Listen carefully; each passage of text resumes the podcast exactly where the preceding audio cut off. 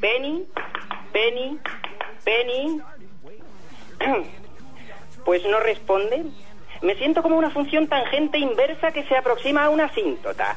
Oye, eh, Sheldon, da igual, estás contratado. Mm, estoy tan contento. En el mundo de los emoticonos sería una D mayúscula. Tengo que dejaros, es la hora en punto y Leonard me lleva a la tienda de cómics. Saludos, personas ordinarias del Ninguno es Perfecta.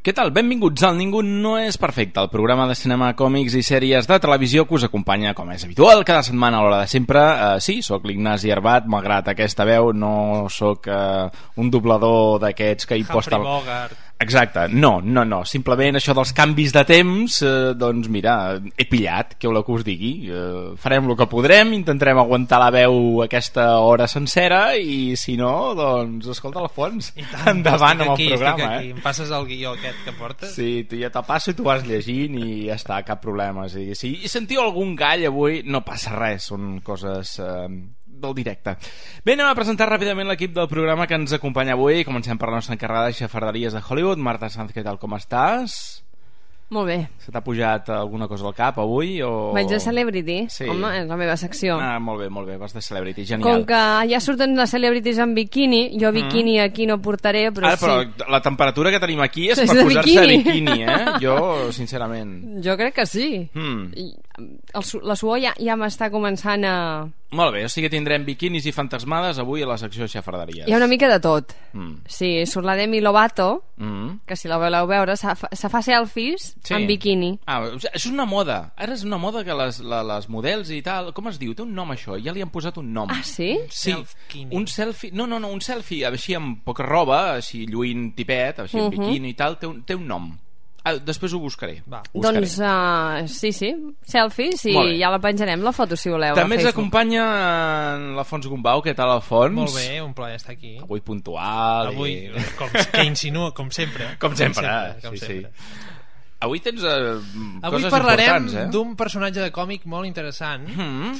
perquè a diferència de la resta dels personatges de còmic del món, els interessa sortir a la portada. Doncs aquest és un que no li agrada sortir a les portades dels còmics que protagonitza. Què dius? Sí. A tots ens agradaria sortir en una Vull portada. dir, en Batman com- surt a una pàgina d'un còmic Sí. de 24 i el posen a la portada. Clar, evidentment. Doncs aquest no vol. Oh, bé, amb aquest misteri després eh, desvetllarem a la secció de còmics. Aviam. cap al final del programa també tindrem en Jacint Casademont i les notícies calentes. Tindrem apartat de sèries perquè tenim notícies d'algunes d'adaptacions sobretot també centrades en superherois que tindrem eh, l'any que ve o els propers anys. Després d'això ja en parlarem. Abans d'anar directes amb el cinema recordem primer el concurs de Panini que fem el sorteig la setmana vinent. Quin subtítol portarà la pel·lícula dels X-Men que s'estrenarà el 2016 teniu fins al 24 de juny Sant Joan per donar la resposta i escriure'ns al ningunoes arroba outlook.com ens heu de deixar la resposta i el vostre nom i cognom i població des d'on ens escolteu. Ningunoes arroba outlook.com i la setmana vinent farem el sorteig. Maneres per escoltar el Ningú no és perfecte a través de la nostra pàgina web per exemple ningunoesperfecte.cat a través del nostre Facebook facebook.com barra ningú no és perfecte la nostra compte de Twitter que és l'arroba ningú no és i també us podeu subscriure o podeu consultar els nostres canals d'iTunes i iVox cliqueu allà, poseu ningú no és perfecte ens busqueu i allà ens hi trobareu. Presentant i dirigint el en teniu a mi mateix a l'Ignasi Herbat i el que fem és ja anar directes amb el cinema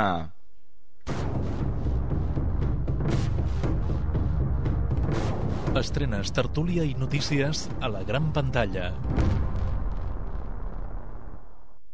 Las máquinas inteligentes nos proporcionarán un futuro mejor. Una vez conectadas todas las máquinas, su poder analítico será mayor que la inteligencia colectiva de todas las personas que han pasado por la historia del mundo. ¿Profesor? La revolución de la independencia frente a la tecnología, Rift. Detendrán cualquier paso hacia lo que ustedes llaman trascendencia. La mente de Will es una pauta de señales eléctricas. Podemos cargar su conciencia, podemos salvarle. Si nos dejáramos algo, ¿a qué nos enfrentaríamos? No dejaré que te vayas. Dios mío, Will. Mi mente ha sido liberada. Necesito más potencia. Conectadme a la red. Ese no es Will. Desconéctalo. ¡Es él! ¿A dónde vas? A todas partes. No conocen el peligro. I això és Transcendence, pel·lícula de Wally Pfister amb Johnny Depp, Rebecca Hall, Paul Bettany, Cillian Murphy, Kate Mara i Morgan Freeman. Thriller de ciència-ficció que suposa la primera pel·lícula del director de fotografia de Christopher Nolan, el qual, per cert, exerceix de productor de la mateixa. Transcendence parla sobre l'impacte de l'avanç tecnològic en el món contemporani. Will Caster és un geni científic que treballa en una intel·ligència artificial a la que anomena transcendència, que canviarà el món tal i com el coneixem. Una cèl·lula terrorista no està d'acord amb, el vol, amb el que vol fer Caster i aconsegueix enverinar-lo amb un tipus de mercuri que el matarà en uns mesos. Desesperada, la seva esposa aconseguirà transferir l'ànima del seu marit en una superintel·ligència artificial. Després de prendre consciència, el nou Will Caster ajudarà a crear una nova utopia futurista basada en les idees de la transcendència. Transcendence s'ha saldat en un sonat fracàs. Amb un pressupost de 100 milions de dòlars, ha obtingut només 22 milions als Estats Units i si li sumem la recaptació mundial arriba fins als 78, pel que encara continua donant pèrdues. La crítica tampoc ha estat bona. M'ha fet gràcia la de Peter Howlab, que afirma que sembla una pel·lícula de Christopher Nolan atacada per un malware. Mami, Dime, Colton. ¿sabías que tengo una hermana? ¿No sabías que casi era tu hermana? No, es que tengo dos hermanas. Hubo un bebé que murió en tu barriga, ¿verdad? ¿Quién te ha hablado del bebé que murió en mi barriga? Esa niña se me acercó y me dijo que murió en tu barriga. El dolor que sentí al ver a mi hijo al borde de la muerte. En el hospital me han dicho que su hijo no iba a sobrevivir. Hablan de un milagro. Vio algunas cosas que no tienen explicación. Tuvo una experiencia cercana a la muerte. Subí al techo y miré hacia abajo. Mamá estaba en un sitio y tú estabas en otro. Lleva horas ahí fuera, de pie. Papá, ¿qué le pasa a Colton? A veces dice cosas raras. Tu abuelo se llamaba Pop, ¿verdad? Murió cuando yo tenía tu edad. Me cae muy bien. I això és El cielo es real, pel·lícula de Randall Wallace amb Greg Kinnear, eh, Kelly Riley, Thomas Hayden Church i Connor Corum. El cielo es real és un dels èxits més grans del cinema religiós en els Estats Units. Tord Burpo era un pastor protestant que vivia en un petit poble de Nebraska, una regió tradicionalment conservadora. Burpo es guanyava la vida fent de professor de gimnàs en un institut, ingressos que complementava amb el que li donava la congregació pels seus sermons del diumenge. La seva esposa no treballava i es quedava a casa cuidant dels nens. Tot treballava també de bomber voluntari, tot això per tal d'evitar que la seva esposa hagués de treballar. El seu món dona un gir quan el seu fill de 4 anys, Colton, és operat d'urgència a causa d'una peritonitis. Malgrat la gravetat de la situació, el menut es va recuperar, però aquest li explica al seu pare les coses que va veure durant la seva breu visita al cel. Al principi tot no li fa cas, però Colton els explica coses que mai hauria pogut saber d'altra manera, com ara que la parella va perdre un bebè abans que ell naixés. Burpa va creure amb el que deia el seu fill i a l'explicar-ho a la seva comunitat de profunda creença cristiana van criticar amb fervor que algú que no hagués mort pogués arribar a veure el cel. Burpo va escriure un llibre explicant aquesta història a finals del 2000 i va arribar al tercer lloc dels bestsellers del New York Times. La pel·lícula també recrea la vida quotidiana d'un petit poble de Nebraska.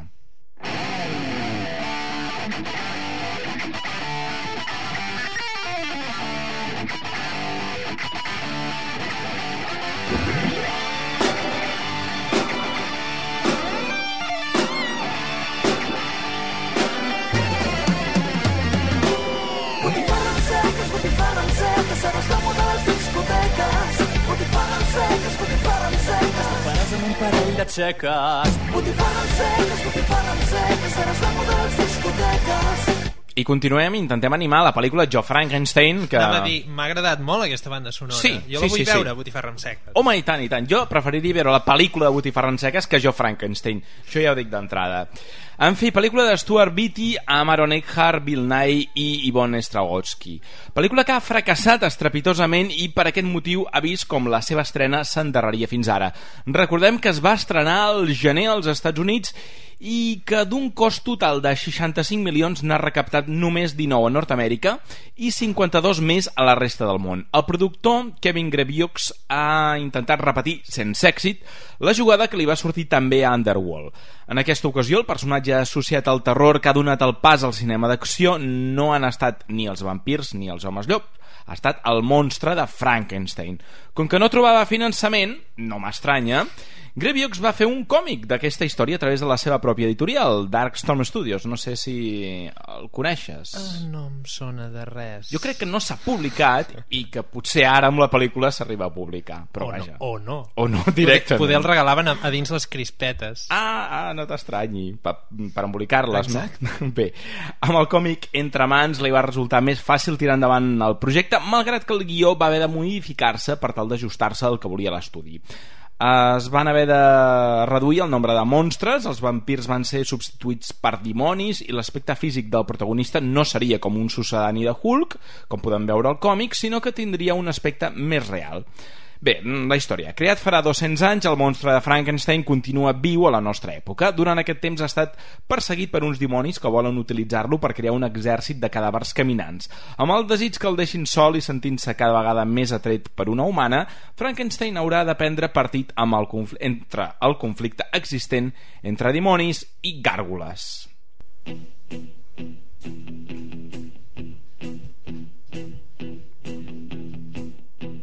I wake up, well, I know I'm gonna be, I'm gonna be the man who wakes up next to you. When I go out, yeah, I know I'm gonna be, I'm gonna be the man who goes along with you. If I get drunk, well, I know I'm gonna be, I'm gonna be the man who gets drunk. I el que ve ara és Amanece en Edimburgo, pel·lícula de Dexter Fletcher amb George McKay i Kevin Guthrie. Eh, és un musical construït amb les cançons del grup escocès de Proclaimers, format pels germans bessons Charlie i Craig Reid. El seu moment de més èxit van ser els anys 80 i la seva cançó més popular és el tema aquest que escoltàvem ara de fons, I'm Gonna Be... 500 Miles. Bé, les cançons s'integren en la trama, ja que en paraules del director Dexter Fletcher, volia que els actors cantessin els seus diàlegs, els seus pensaments, buscava una forma més natural de fer un musical. El problema que això genera és que la trama té que adequar-se a les cançons i això és difícil d'aconseguir perquè quedi natural. L'argument gira al voltant de les històries d'amor entre un soldat recent llicenciat i una infermera, la germana del soldat i un altre soldat, i les bodes de plata dels pares del primer soldat. Oh, oh, oh,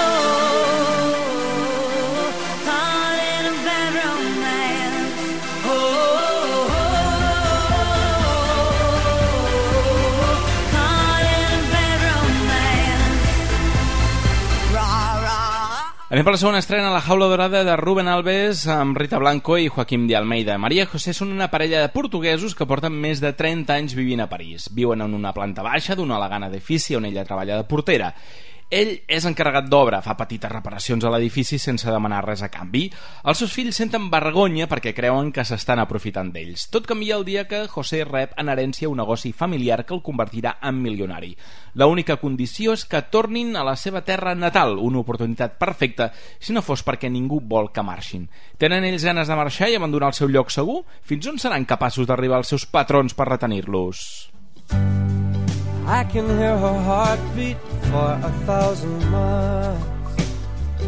And the heavens open up every time. I acabem les estrenes amb Perdona si te llamo amor de Joaquim Llamas amb Daniel Liotti, Paloma Bloit i Irene Montalà, una nova adaptació de l'ensucrat rei de la comèdia romàntica Federico Mocchia. Aquesta és la pel·lícula que volies anar a veure, no? Alfons, m'has comentat abans. Sí, em sembla que Sí? era, era aquesta. Era aquesta, no? Sí, sí. Sí? Moltes ganes. Ja, ja te veig. Bé, la història gira al voltant d'un romanç entre Àlex de 37 anys i Nicky, un estudiant de només 17. La Em diferència... sento molt identificat. A- amb, amb la de 17? Amb la de o va? 17. Molt bé. La diferència d'edat i les opinions a l'entorn d'Àlex acabarà afectant-los malgrat la tendresa i confiança en el seu amor. When I'm feeling low down. I tanquem amb sapos i culebres a Francisco Avizanda, a Mariana Cabrol i Juan Díez, una història sobre l'ambició protagonitzada per Rebeca, una jove que farà el que sigui per mantenir el seu estatus social. Després de la mort del seu pare intentarà recuperar uns diners del pare que al mateix temps vol recuperar al banc el que va estafar. A Rebeca l'ajudarà Tino, que lluita per sortir del seu pou econòmic i professional en el que es troba, el qual s'enamorarà perdudament de Rebeca. I vinga, anem per les notícies calentes.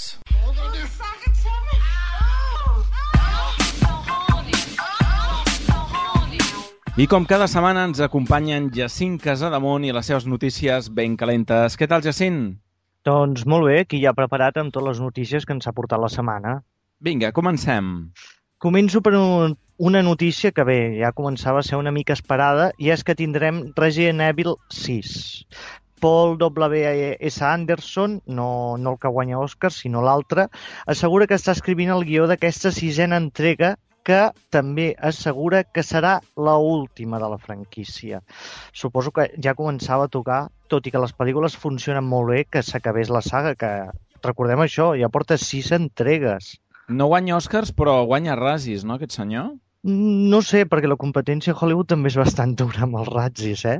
Home, tampoc considero que sigui un director horrorós, perquè ha fet pel·lícules bastant destacables com Horizonte Final, però reconeixem que és un tio comercial, sens dubte. Després, una altra notícia que també ens soloràvem des de feia bastant temps és Jason Momoa, que sembla que finalment l'actor ha fitxat per ser Aquaman en el film de la Liga de la Justícia. A veure, No, sí. Aquaman és un tio de pell blanca i ros, no?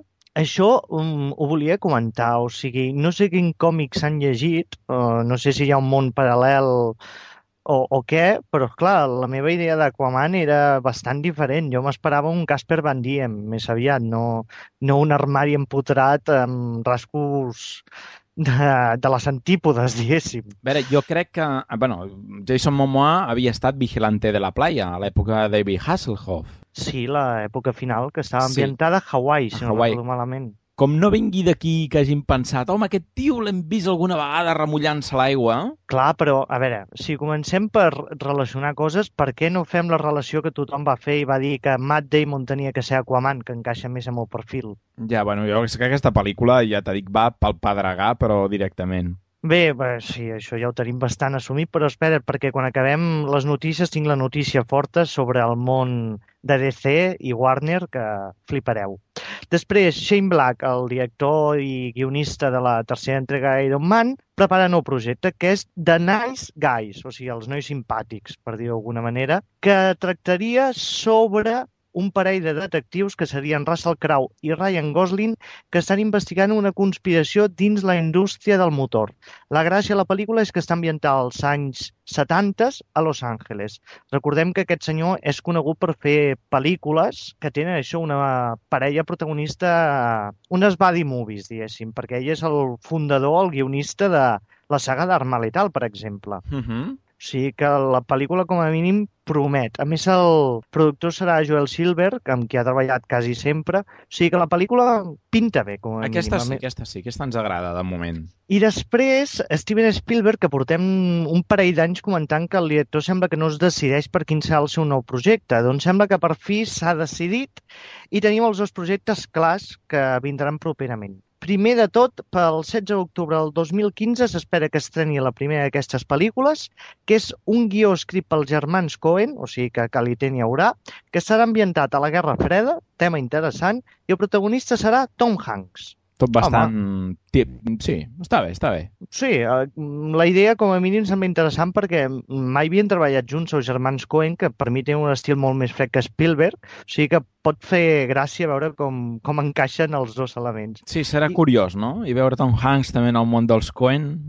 Sí, a més és això, com que tenen un humor tan especial, a veure si sap Spielberg portar-lo a la gran pantalla. I després, El gigante bonachón, que ja ho havien comentat, que és un relat de Roald Dahl, que s'estrenaria pel 2016, el juliol del 2016, que bé, era la història d'un nen que va al món dels gegants, una pel·lícula bastant Spielberg, però més tirant a l'època d'Amblin, no? I hi ha una altra notícia que aquesta, no sé què et semblarà a tu. A tu et va agradar Amazing Spider-Man 2? A mi sí, sóc dels poquets, però, però sí.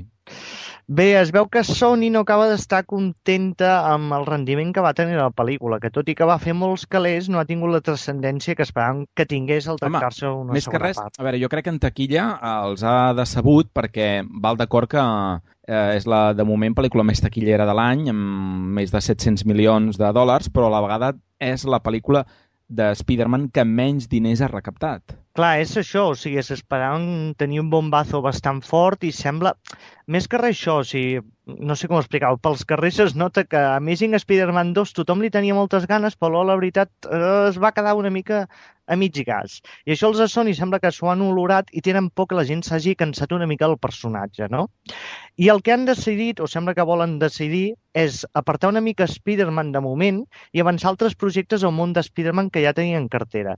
I és per això que estan pensant en endarrerir la tercera part d'Amazing Spider-Man i avançar la data d'estrena del film en solitari dels Seis Siniestros. Uh, no anem bé, jo ja ho dic. Això dels universos paral·lels volent imitar una mica Marvel, eh, crec que potser estem pecant d'accés en tot plegat, eh? Clar, estan veient que això d'engrandir els mons està funcionant molt bé en taquilla, perquè la nova de X-Men, que per exemple ha unit els dos mons passat i futur, ha funcionat, Los Vengadores, eh, juntar els superherois, ha funcionat, sembla que DC també tira cap aquí amb lo de Superman i Batman, doncs ells també intenten fer alguna així semblant, ampliar una mica l'univers i creuen que és la millor opció. Hi ha aquest film i també tenen en cartera el Venom. Clar, Venom, com que no l'han presentat, encara seria massa precipitat, però en canvi aquest, com que han presentat la majoria de personatges, podria intentar-ho colar. Bé, jugada arriscada que no sé si al final es decidiran per ella o si ho desestimaran. I ja per últim, la notícia que potser ens ha deixat una mica tots flipats, es tracta de que ha aparegut una llista de futurs projectes de DC en Warner, amb dates d'estrena de les seves noves pel·lícules basat en els mons del còmic. I bé, vaig comentant i a veure què et sembla. Primer de tot, pel maig del 2016, com ja sabíem, Batman vs Superman, Dawn of Justice. En segon lloc, el juliol del 2016, Shazam, Mhm. que ens ha agafat a tots mm, completament per sorpresa, perquè no s'havia parlat gaire d'aquest projecte. No, no. Què més? Després, al Nadal del 2016 tindríem Sandman, que ja havíem comentat que s'estava començant a preparar. Al maig del 2017 tindríem la Liga de la Justícia. I res, al cap de res, al juliol del 2017, Wonder Woman. I a partir d'aquí, dos projectes que, com a mínim, m'han deixat bastant flipat. Primer de tot, pel Nadal del 2017, Flash versus Linterna Verde. Això ja sembla conya. Sí, no? Mm, Dos personatges que, de moment, res, de cop i volta sembla que ressorgeixen per compartir pel·lícula, i el maig del dos, di- 2018, el que tothom es preguntava què passava amb El Hombre de Acero 2, doncs serà aquesta data. Jo crec que això forma part... Bueno, o, o, o van sortir de copes i van fer aquesta llista i la van deixar el bar, o, sincerament, eh, no sé, eh, estan grillats directament. El més flipant de tot és que, bueno, no sé si us heu quedat, és que projecten tres pel·lícules per any. Sí, sí, um, bé, no, jo crec que... Bueno, això no s'ho creu ningú, aquest pla, però vaja. Veurem com acaba la cosa perquè, clar, són bastant properes les dates, o sigui que ja tindrien que estar treballant-hi a marxes forçades, com a mínim. Ja està, I ja Jacint? està. Sí, sí. Molt bé, doncs res, ens retrobem la setmana vinent amb més notícies. Ben calentes. Una abraçada, adeu. Que vagi molt bé. I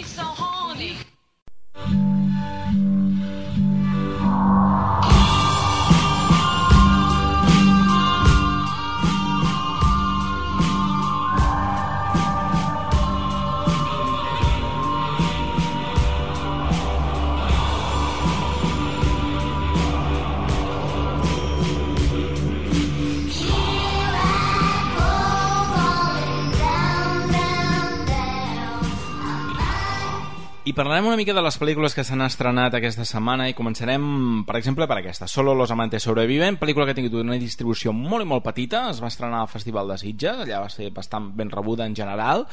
És del Jim Jarmusch, el director de Dead Man, que feia temps que... Bueno, ell sempre va fent pel·lícules d'aquestes bastant independents, però potser de Dead Man potser és de la més rodona que, que li recordo. I està bé, perquè és capaç de fer una pel·lícula de vampirs explicant coses una mica certament diferents i portar-les absolutament al seu territori. Vull dir, tu la veus i...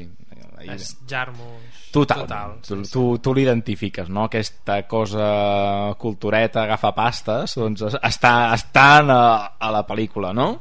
Tu la veus i ja transpira tot això. A més, els, els protagonistes són una parella de vampirs, tenim el Tom Hiddleston, més de moda que mai, és el Loki de les pel·lícules de Marvel, i, i la Tilda Swinton que són una parella de, de vampirs que porten molts i molts anys casats es veuen allò de tant en tant, es reuneixen i veus el pis del Tom Hiddleston i està ple de, de referències culturals eh, escriptors i musicals del segle XX no?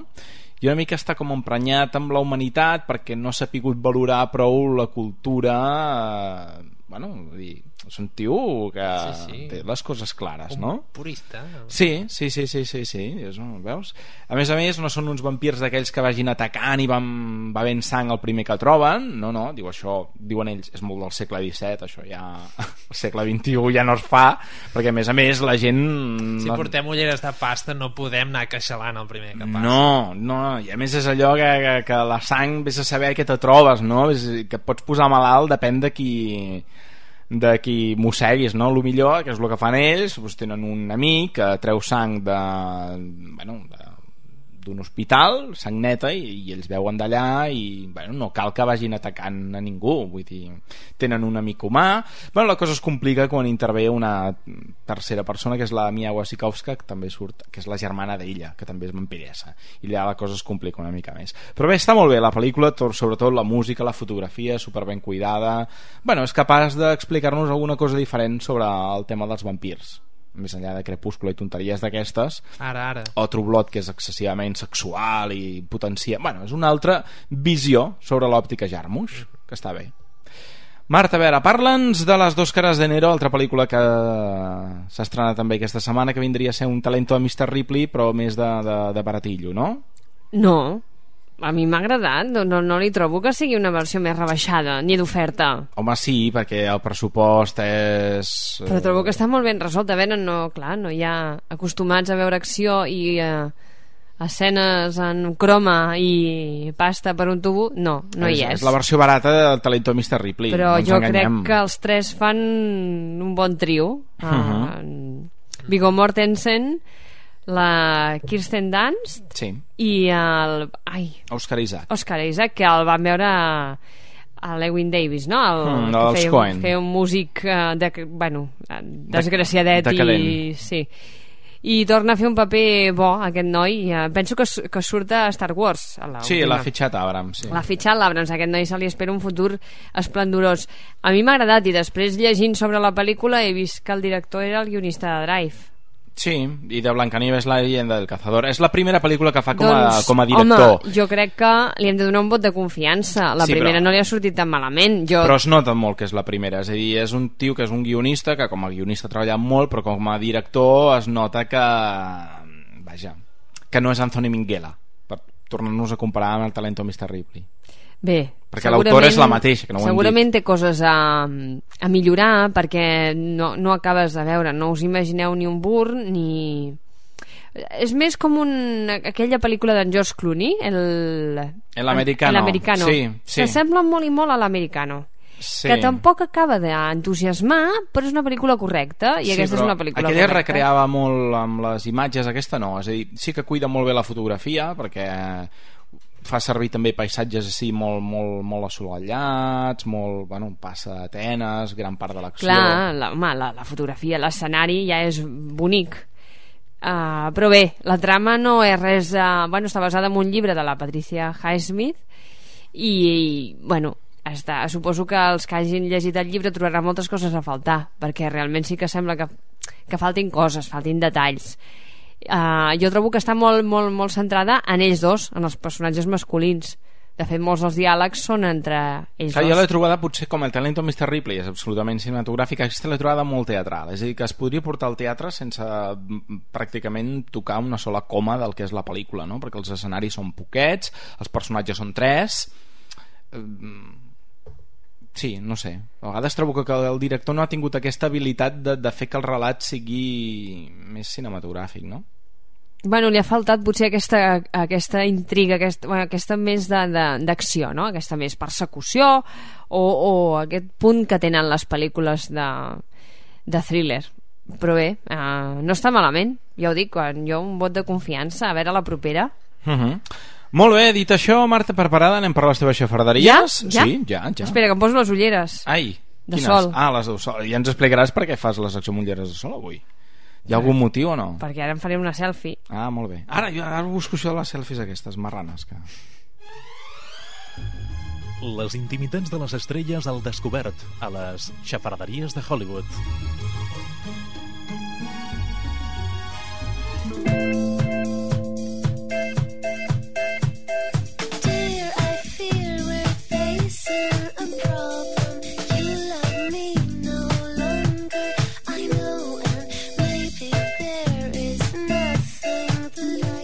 Es diuen Bragui. Bragui? Sí, però no ve de... De, de, de... Ve d'Albert Tubrac, que vol dir presumir en anglès, o sigui, tu te tires la foto amb el biquini i tal, i és, no és una selfie, és una bragui. I per nois també? Bueno, jo només he vist aquí de noies, la Giselle Bunchen, totes aquestes, quan fan la foto, allò que feia l'Anna Obregón, a la seva època, el Posal. El doncs- Posado veranino. Exacte, doncs aquestes noies fan el mateix, però s'ho fan elles, fan el selfie, ja està. El bragui. Doncs no sé si em faré braguis eh, aquest estiu. Ja m'ho pensaré. Jo sempre tot millor sense braguis. Mm, sense braguis, pim-pam. Passarem un estiu sense braguis i contents. Va, comencem. Comencem amb, amb, amb, amb un Robert Pattinson que cada dia diu coses més catxondes, ara que està de tour per, per, per tot arreu, ha anat a Cannes, a Los Angeles, eh, promocionant la seva pel·lícula, les seves pel·lícules Maps to the Stars i de Robert, diu que, bé, que a ell li falta la carrera com a stripper, que ell vol fer carrera mm, com un stripper masculí. No sé si és que té certes enveges, potser del personatge amb el protagonista amb qui ha treballat en Guy Pearce, que, bueno, no he vist la pel·lícula, però deu fer algun paper eh, espornejant. Us agrada, eh? M'agrada l'adjectiu. Sí. Espornejant. Doncs eh, res, que diu que enveja força la seva carrera com a actor. Doncs endavant en Robert Pattinson, que el veurem bueno, fent coses potser de... No sé si té el cos, ara que ho penso, eh? Si té la bragui com per sortir fent de stripper masculí, mira jo, què us dic, eh? No, Jo no li veig retractiu al noi, però vaja. no, no, no, I no té ens aquest to agrada. de pell. No. Sí. Ni talent ni res li veig. No, jo, a, a, ara està fent pel·lícules amb el...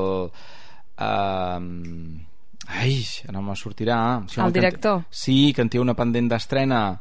Sí, Cronenberg, aquest- amb Cronenberg. Ah, Que ja l'última ja no em va agradar, ni ell ni la pel·lícula. I ara em farà... Bueno, Bé, no sé què li veu David Cronenberg en aquest li deu agradar el to de pell Sí, deu que ser té. això, això.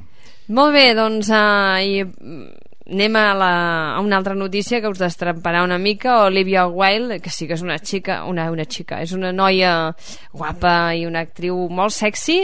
Sabeu que és mare i ha passat el primer dia, el seu primer dia de la seva vida, del dia de la mare, que es veu que se celebra molt als Estats Units amb el seu fill, l'Otis, bueno, i el seu, el seu promès en Jason Sudeikis. I es veu que fins ara tenien el, el, bueno, la consigna, la parella que el dia del pare o de la mare feien cadascú el que volgués.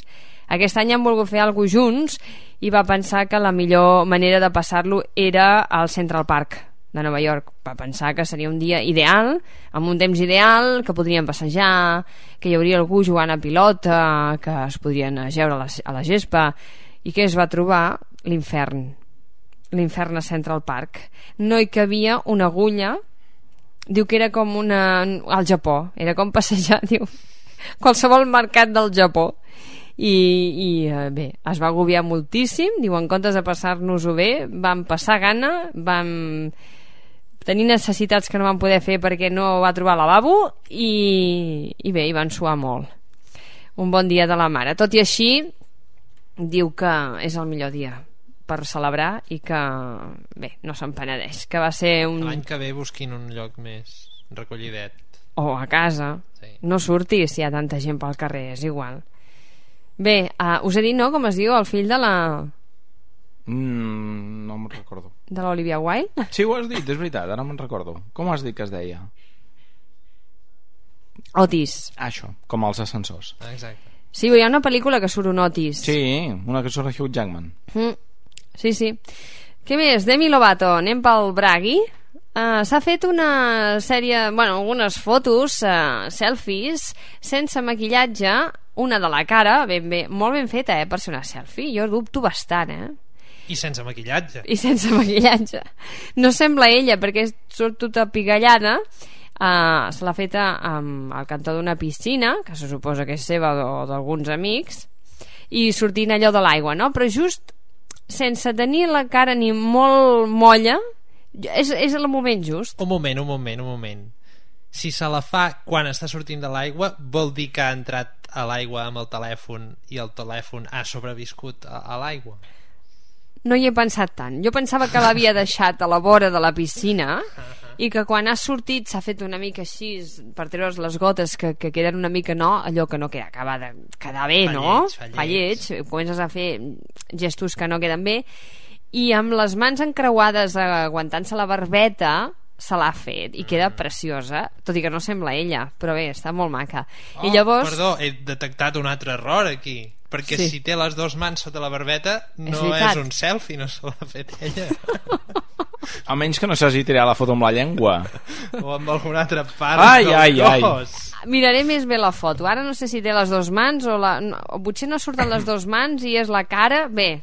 I llavors n'hi ha una altra que se l'ha Bueno, fet pots tirar ella. una selfie amb automàtic, això també t'ho fan les Ah, càmeres. Ah, jo no, jo no sóc tan avançat amb els selfies. Doncs eh, llavors en té una altra que se l'ha feta com un, um, un picat, no?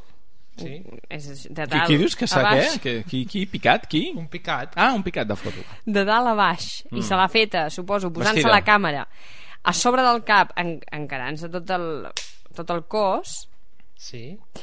doncs uh, i surt el, no li surt el cap i li surt la resta del cos i podem veure la fantàstica figura que, que té i ja està, i que es veu que, la, bueno, que, la, que no fa dieta però que sí que menja molt sa, té un entrenador que fa fer uns exercicis en concret si voleu, si voleu saber quina dieta fa la Demi Lovato ja us la puc aconseguir eh? Però però no cal.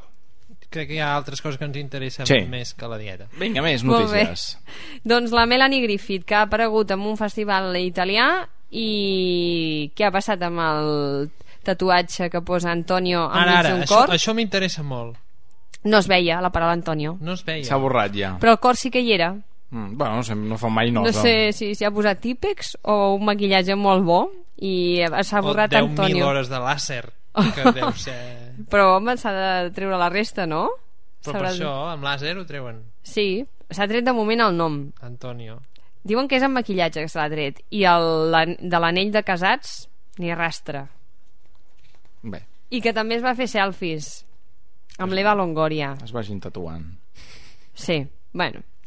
En Jude Law, el, el seu fill, el Jude Law se l'ha vist amb una passarel·la de, de moda juvenil perquè el seu fill, en Rafferty, que ja té 17 anys, es dedica a ser model.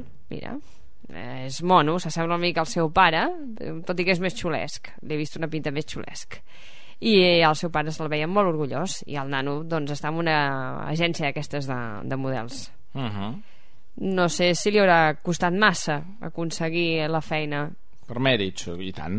Crec que s'ho ha treballat molt. I res, només us vull dir que l'Emma Stone i l'Andrew Garfield se'ls ha vist fent-se un petó molt romàntic i molt bonic, fa molt bona parella, en el carrer davant d'una cafeteria on acostumen a esmorzar Mm? i de l'endemà que hi van tornar a anar eh, preparant-se per la sortida que tenien els paparazzis esperant-los van fer una cosa molt eh, creativa i és que es van posar van escriure uns missatges en unes cartolines tapant-se la, de la, del nas cap avall perquè els paparazzi les agafessin molt bé. I ella posava no som tan importants no som gent que hagueu de que fem coses tan interessants i llavors hi havia una fletxa i continuava el missatge amb la, cartolina de l'Andrew Garfield doncs en referència a um, organitzacions suposo amb les que ells ja estan una mica involucrats com amb gent amb autisme o i tal. va ser molt bueno, va agradar va agradar, Mhm. va agradar i va dir que això sí que és important no, bé. no nosaltres no?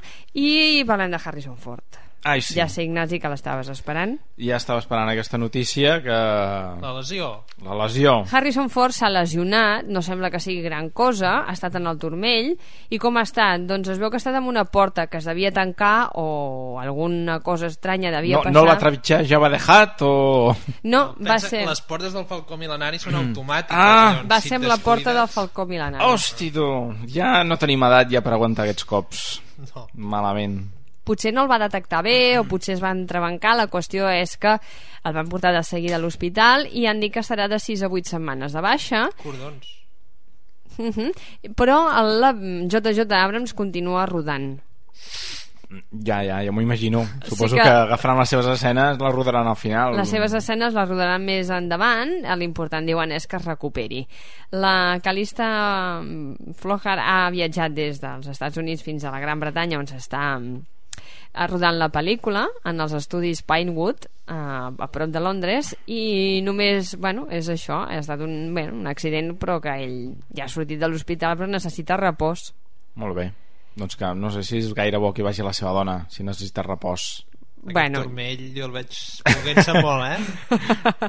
I bueno, i res, només que sapigueu, bueno, ja ho sabeu, no? Perquè en Jacint ja va dir en notícies de Star Wars. Sí, sí, ella va que hi haurà el. Chihuahua original també. Sí, però això ja ho sabem, Marta. Sí. Però quantes notícies que ja hem donat, ja, fora. Ja, mà? Si tot això ja ho sabem. Hi ha gent que segur que no para atenció en en Jacint, perquè diu els noms molt estranys i no se'ls hi queda. Amb això tens tota la raó del món. Bueno, Marta, fins aquí les xafarderies i nosaltres anem a veure què ha passat als Estats Units.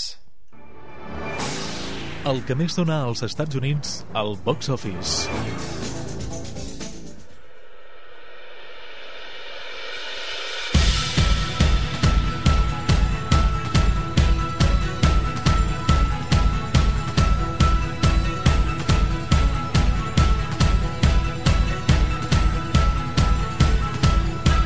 Dues estrenes als Estats Units que ocupen la primera i segona posició. La primera, Infiltrados en la Universitat, entrada de la setmana amb 57, i a la 2, Com ensinistrar el teu drac 2, entrada de la setmana també amb 49.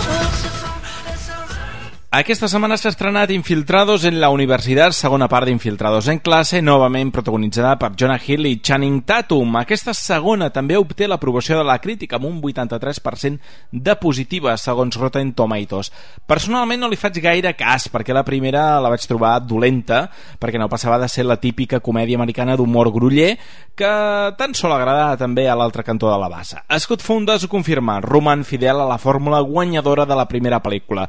Clàudia Puig, pel contrari, diu que segueix tirant de gags gastats i esgotats del tot. En resum, que si us va agradar la primera, aquesta no us decebrà. Si pel contrari penseu que és una pel·lícula lamentable, no cal ni que ho intenteu amb la segona. Però la gran estrena de la setmana i la que promet mantenir-se com la pel·lícula d'animació de l'estiu és Com ensinistrar el teu drac 2. En aquesta segona aventura, Singlot i Desdentegat descobreixen una gruta secreta que amaga centenars de dracs salvatges protegits per un misteriós personatge. Les crítiques han estat un, per unanimitat positives amb un 92% de Rotten Tomatoes. Mark Adams diu que aquesta segona part té un ritme intel·ligent, farà un gran treball eh, amb la continuació de la caracterització dels personatges principals, ampliant el món en el que habiten i afegint moments tendres i emotius. Colin Covert diu que és una faula tan amable com significativa pels adults com perquè puguin gaudir-ne al públic juvenil. Peter Travers diu que eleva les seqüeles a un nou nivell d'imaginació i innovació. René Rodríguez la defineix com una de les pel·lícules d'animació més belles mai rodades i l'Olomènic afegeix que té una història absorbent encara que a vegades força fosca. Aquí s'estrenarà l'1 d'agost. No us sabria dir si podrem aguantar amb tranquil·litat aquesta llarga espera. I vinga, quatre notícies de sèries. Sèries en obert als 40 minuts. It is my honor to inform you I comencem per Agent Carter, que sabem que és aquesta sèrie de Marvel Studios, que estarà protagonitzada per Harley Atwell, eh, basada en el personatge de l'Agent Carter de la pel·lícula la primera del Capitán Amèrica, doncs confirmem que s'afegeix un altre actor, que és el Dominic Cooper, actor que hem vist en pel·lícules com per exemple Need for Speed, i que també sortia la primera de Capitán Amèrica, interpretant a Howard Stark, el pare de Tony Stark, Iron Man, doncs que s'afegeix en el repartiment d'aquesta pel·lícula. I continuant amb les sèries de Marvel Studios, tenim Daredevil, que és aquesta sèrie que farà a través del canal Netflix, que hem de recordar que l'actor que interpretarà a Matt Murdock, l'advocat eh, sec que en el cinema va interpretar Ben Affleck, serà Charlie Cooks, que l'hem vist eh, per exemple a la pel·lícula Stardust que era el protagonista, estava molt bé aquella pel·lícula. Estava basada en la novel·la gràfica Sí, de Neil sí, Gaiman, molt bé. I també l'hem vist a Abbey recentment. I per altra banda el dolent el Kingpin que serà interpretat per el Vincent D'Onofrio que està molt bé, aquest actor que va quasi debutar amb la jaqueta metàl·lica, que també el van veure a JFK, que s'ha anat engreixant amb els anys, vull dir que dona per fer un, un Kingpin que serà un Kingpin blanc, com la gran reclamació que s'havia fet al seu moment, que d'aquella horrorosa pel·lícula que, que va protagonitzar Ben Affleck i que des de llavors no ha tornat a protagonitzar una pel·lícula de superherois. Ai, no, per cert, no serà Batman? Ara no, no t'estava escoltant. Pots dir, no? No, no, sí, no sé. Fas bé de no escoltar-me. Vale, vale. Bé, recordem que la sèrie tindrà eh, 13 capítols i que començarà a rodar-se en breu a Nova York per una estrena a l'any 2015. I per acabar amb la tripleta de superherois, una altra. que és la sèrie Herois, que ja sabeu que torna amb una... Mi... Sí, sí, sí, torna en format de minissèrie de 13 capítols també, que es dirà Heroes Reborn i que eh, serà composat per una barreja entre nous actors, nous personatges i alguns dels que ja havíem vist eh, a, la, a la sèrie intentarà connectar i recuperar l'esperit de la primera temporada. Una mica obviant el que va passar eh, posteriorment. Doncs a mi m'anirà bé perquè és l'única que he vist la primera temporada. no cal que vegis les altres, jo també t'ho dic. La primera és la bona, la resta no. I un dels actors veterans que s'hi afegeixen és el Jack Coleman que havia interpretat el pare de la Claire la cheerleader que era la Hayden Panettiere i que era el cap de l'organització secreta que era la companyia, eh, que dirigia aquella companyia que era com una fàbrica de paper encoberta que en realitat agafaven herois i tal, tot allò, no? sí, sí. Sí, sí, gran temporada. Per cert, sèrie que ha acabat aquesta setmana, la quarta temporada, és Joc de Trons. Un any per veure com... Veu nous capítols, eh?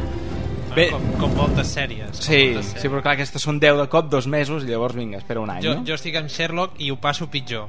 Això és veritat. No puc dir més.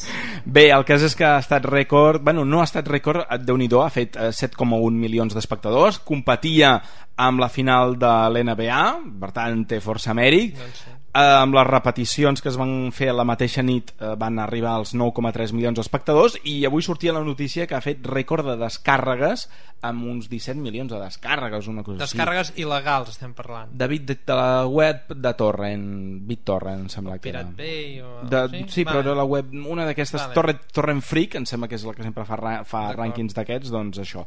I res, que es rumoreja que la propera temporada serà el 5 d'abril del 2015. Fins aquí les sèries i anem... Cap al còmic. Al còmic.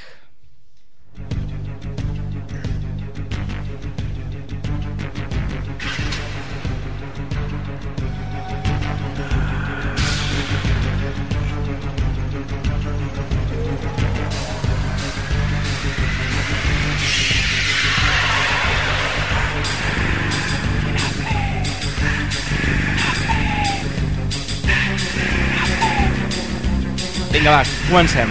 Sí, ja Sí. has acabat. He acabat, he acabat. Va.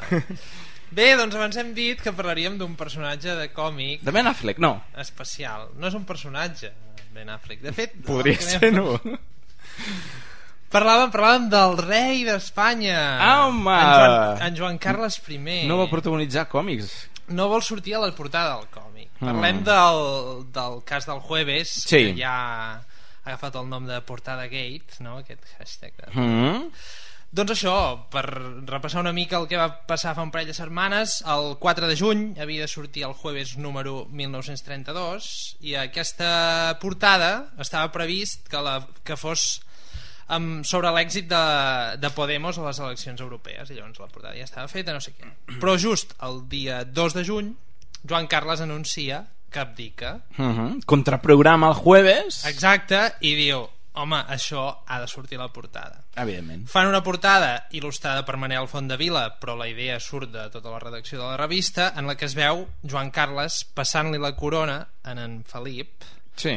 tota plena de merda Hmm. amb mosquetes i tal Sí. Va, tothom ja l'ha d'haver vist la, la portada òbviament la difonen per les xarxes i corre la Mm. portada corre corre però no prou suposo com perquè els senyors d'RBA la vegin Ja. RBA és el grup editorial que, el, que, el que pertany al jueves Sí. en el qual la revista se'n va a impremta però amb la tirada ja almenys parcialment impresa RBA des ordena destruir tots els exemplars que porten aquesta portada i recuperen la portada original amb el senyor de Podemos Mm. El contingut de dins es manté, es manté igual, l'únic que canvien és, és, és la portada. I es trasllada a la redacció de la revista que queda pro prohibit portar a la, a la monarquia a la portada, fins a nova ordre, i que com a versió oficial es digui a, a la gent que no s'ha imprès la portada anunciada per falta de temps. És a dir, demanen que menteixin els lectors Sí, sí. de la revista. Això és una versió oficial que eh, eh, acaba arribant a algun mitjà com Catalunya Ràdio que, que van, donar, van donar aquesta notícia que, que era així. Mm. El dimecres 4, que era el dia que havia sortir el jueves, que com tot sap surt els dimecres, Sí. doncs aquell dimecres no va sortir. Va sortir l'endemà, o sigui, un dijous. I, òbviament, amb la portada de Podemos. A partir d'aquell dijous mateix, eh, doncs tota una sèrie de històrics i de no tan històrics de la revista comencen a plegar en bloc de la revista, començant per Manel Fondavila i Albert Monteis, que eren com el, Bueno, les vaques sí. més sagrades de la revista, que tots dos ja havien sigut eh, directors de la revista, que formaven part del Consell de Redacció, i a partir d'aquí segueix una llarga llista d'un total de, de 18 col·laboradors de la revista que decideixen doncs això, per, per motius morals deixar la revista òbviament n'hi ha altres que continuen a la revista i és el que dèiem abans, els que es queden no és que tinguin menys valor que els altres No siguin els dolents. no són pas els dolents, els dolents són els de RBA crec que això a tothom li queda clar Jo crec que sí.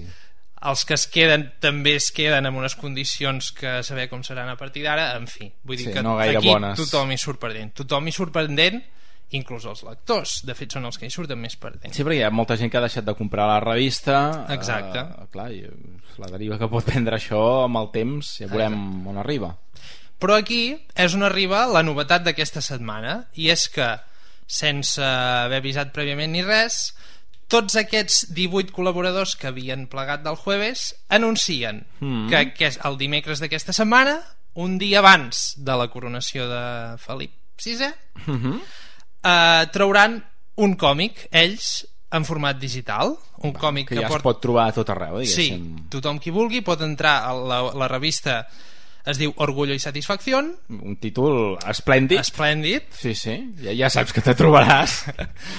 algú, algú rumorejava si era la segona part de l'obra de Jane Austen però no, I aquí aquest personatge no tindrà problema en sortir portada, no? o sigui, surt a la portada i a totes les 80 i pico pàgines de dintre Molt bé. en el qual, com dèiem, qui vulgui a orgullosatisfaccion.com a partir d'un euro i mig eh, pagant se la pot descarregar en PDF o en CBR és això, a partir d'un euro i mig amb la possibilitat de qui vulgui doncs, poder aportar, És aportar més. digital, no és... Eh, en que paper, gent ho sàpiga, en paper no. entre altres coses ells mateixos ho explicaven ho han bueno, ha anat tot tan ràpid i ho han decidit tot... no hi ha hagut temps Impossible, material impossible. no hi ha hagut temps material de fer un paper per tant de moment ho fan en digital bueno, dirigit i coordinat per Montells, Fondavila, Vergara, Bertual i, i amb la resta de col·laboradors doncs, eh, en el, amb la resta de continguts de la revista com, el, com ja hem dit, serà un monogràfic especial només de despedida de Joan Carles i Mhm. benvinguda en Felip VI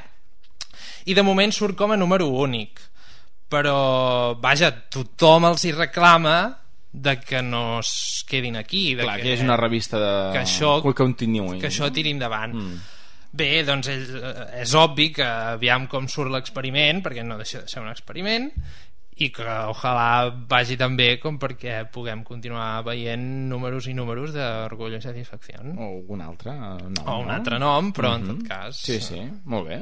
Ens sembla fantàstic. Per tant, doncs, l'actualitat manava i aquesta setmana Mhm. hem volgut Molt bé. explicar Doncs aquí ens- aquesta ens novetat que ressò. no la, no la podreu trobar a les llibreries. I recomanació al mateix temps. I tant, i bueno, o sigui, el, el nivell a dins sabeu que és el nivell del jueves. No, Evidentment, no, no. no, no, no espereu trobar una cosa diferent. Sense censura, Exacte, a més. exacte. Com ha de ser. Doncs bé, l'actualitat mana. Sí. I no és l'única actualitat fora de les llibreries que tenim aquesta setmana, perquè aquest cap de setmana arriba a Torroella de Montgrí el vuitè festival del còmic. Mhm. 20, 21, 22 de juny, que com cada any organitza Panini a Torroella, que com que nosaltres ens cau a prop, doncs I tant. i tenim tirada, Sí. entenc que hi ha gent que poder li cau lluny, però almenys a la zona doncs, és una Sí. iniciativa molt interessant. Panini, és que tenim Panini- el concurs aquí, escolta, què menys. i com que Panini té la seu a Torroella doncs és, bueno, és una fa allà. iniciativa que han decidit que, a més està molt bé, és molt el, lloable, el poble s'involucra en el tema, està molt bé, el dels concursos decoració. d'aparadors que fan i doncs, més fa allà... Bueno, hi ha diferents llocs eh, de la, del poble on es fa, però bueno, allà en el passeig és on tenen les botiguetes. Està bé, eh, trobo que... que... Sí, els amb, que- amb, amb el temps, amb les edicions ho han anat millorant. Bueno, clar, una, un- una cosa així no, no es fa d'un dia per l'altre ni un any per l'altre el Saló del Còmic de Barcelona ja porta tropenientos mm. pues, eh, una iniciativa que, que ja va per la vuitena edició i que òbviament ha millorat respecte a la primera però que, que molt recomanable des d'aquí aquest any hi ha una mica un especial sobre els cromos de futbol perquè tenim una exposició titulada Un viatge al paradís dels cromos de futbol a la capella de Sant Antoni i el divendres a les 8 una taula rodona, els cromos de futbol, una passió d'ahir, d'avui i de sempre, amb un parell de periodistes, Sergi Mas i Raül Llimós, Ah, molt bé. I després un parell de directius de Panini, Lluís Torrent i, i Juan Pedro Martínez.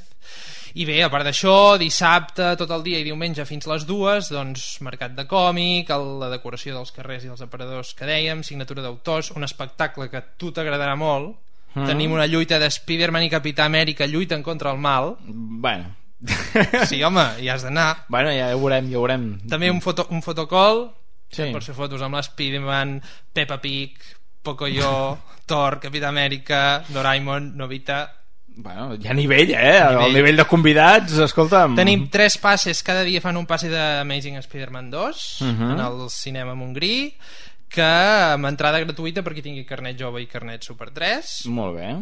i en fi que si tallers, manualitats, concursos d'enganxar cromos, jocs de taula, videojocs, inflables, en fi, un, un saló del còmic més humil, però... Home, però jo, diria que diferent, enfocat a un públic diferent. Sí. Aquest va més pel públic familiar, el Saló del Còmic mm, no tant. Exacte, vull dir, el Saló del Còmic és en un lloc tancat, has de pagar una entrada, aquí mm. és una cosa a l'aire lliure, més això, més Accessible familiar. també, sí. sí. està més enfocat a activitats per nens, cosa que el Saló del Còmic és un mes a més. Exacte. Que no n'hi ha gaires, tampoc. Vull dir, està, Ah. està bé, està bé. Doncs en fi, aquestes són les dues novetats fora de les estanteries. I ara et faré córrer. Per això mateix, digue'm, què, què, què vols? Ràpid, jo que sé, Ràpid. novetats Mira, Marvel i DC a, Ma que a, tenim a. Marvel aquesta, aquest mes perdó, comença una sèrie nova que Sí? és Inhumanity que és una no- nova sèrie que sorgeix a- arran d'Infinito escrita per Matt Fraction Mm. Que va abandonar els Quatre Fantàstics doncs, per poder Sí, i aquesta l'ha abandonat els dos números també, vull dir que... fantàstic. Exacte. amb, amb dibuixos de Jaume Madureira i aquest mes també tenim un, el, el segon volum del, del Marvel Gold de l'assombroso Spider-Man de les, de l'Stan Lee Mm, i Steve i i Ditko vam bé. comentar ja aquí el primer volum aquí arriba el segon que també és, bueno, hi ha uns, els primers grans moments de, de l'Spider-Man, si este és mi destino, l'entrada de Gwen Stacy, inclús hi ha un, un parell de números de Daredevil, que va ser la primera trobada entre els dos personatges, Sí. es, han dibuixat per pri- la- Romita. Sí, la primera vegada que Romita dibuixava Spider-Man. Exacte, per tant, un volum també que no... Imprescindible. I de DC tenim Justícia, de, de, de l'Àlex Ross, Mm, molt interessant, que és també. la primera obra, la primera gran obra dibuixada i escrita per Àlex Ross, que aquí a Espanya s'havia publicat amb grapes, però no, després... no havia tingut cap més edició, eh? I després havien fet un volum, un, tot en un sol volum, Sí. però era amb reduït, Ah, que dius, petitó. els dibuixos de l'Àlex Ross precisament Àlex Ross. i el diàleg i Ja. tot eh? per tant, la primera edició així amb cara i ulls d'aquest eh, bé, no, o sigui, només per disfrutar dels dibuixos de l'Alex Ross ja val la pena i bé, és una vista coral de l'univers DC tenim a tots els herois i a tots els dolents allà barrejant-se. Molt bé, genial. i on reedició també d'Arkham de l'Asil Arkham Ah, la gran història de Grant Morrison dibuixada per Dave McKean doncs una altra edició coincidint amb el 25è aniversari de la publicació de l'obra. Fantàstic, doncs amb aquestes recomanacions eh, al fons ens acomiadem. Fins al mes que ve. Sí. i nosaltres el que fem és escoltar la banda sonora d'una pel·lícula que s'estrena la setmana que ve Juntos y Revueltos amb Drew Barrymore i Adam Sandler la cançó de, dels Mowglis que es diu Say It, Just Say It. Uh, Marta, fins la setmana vinent a tu. Vinga. Vinga, que vagi Adéu. molt bé, ningú no és perfecte, adeu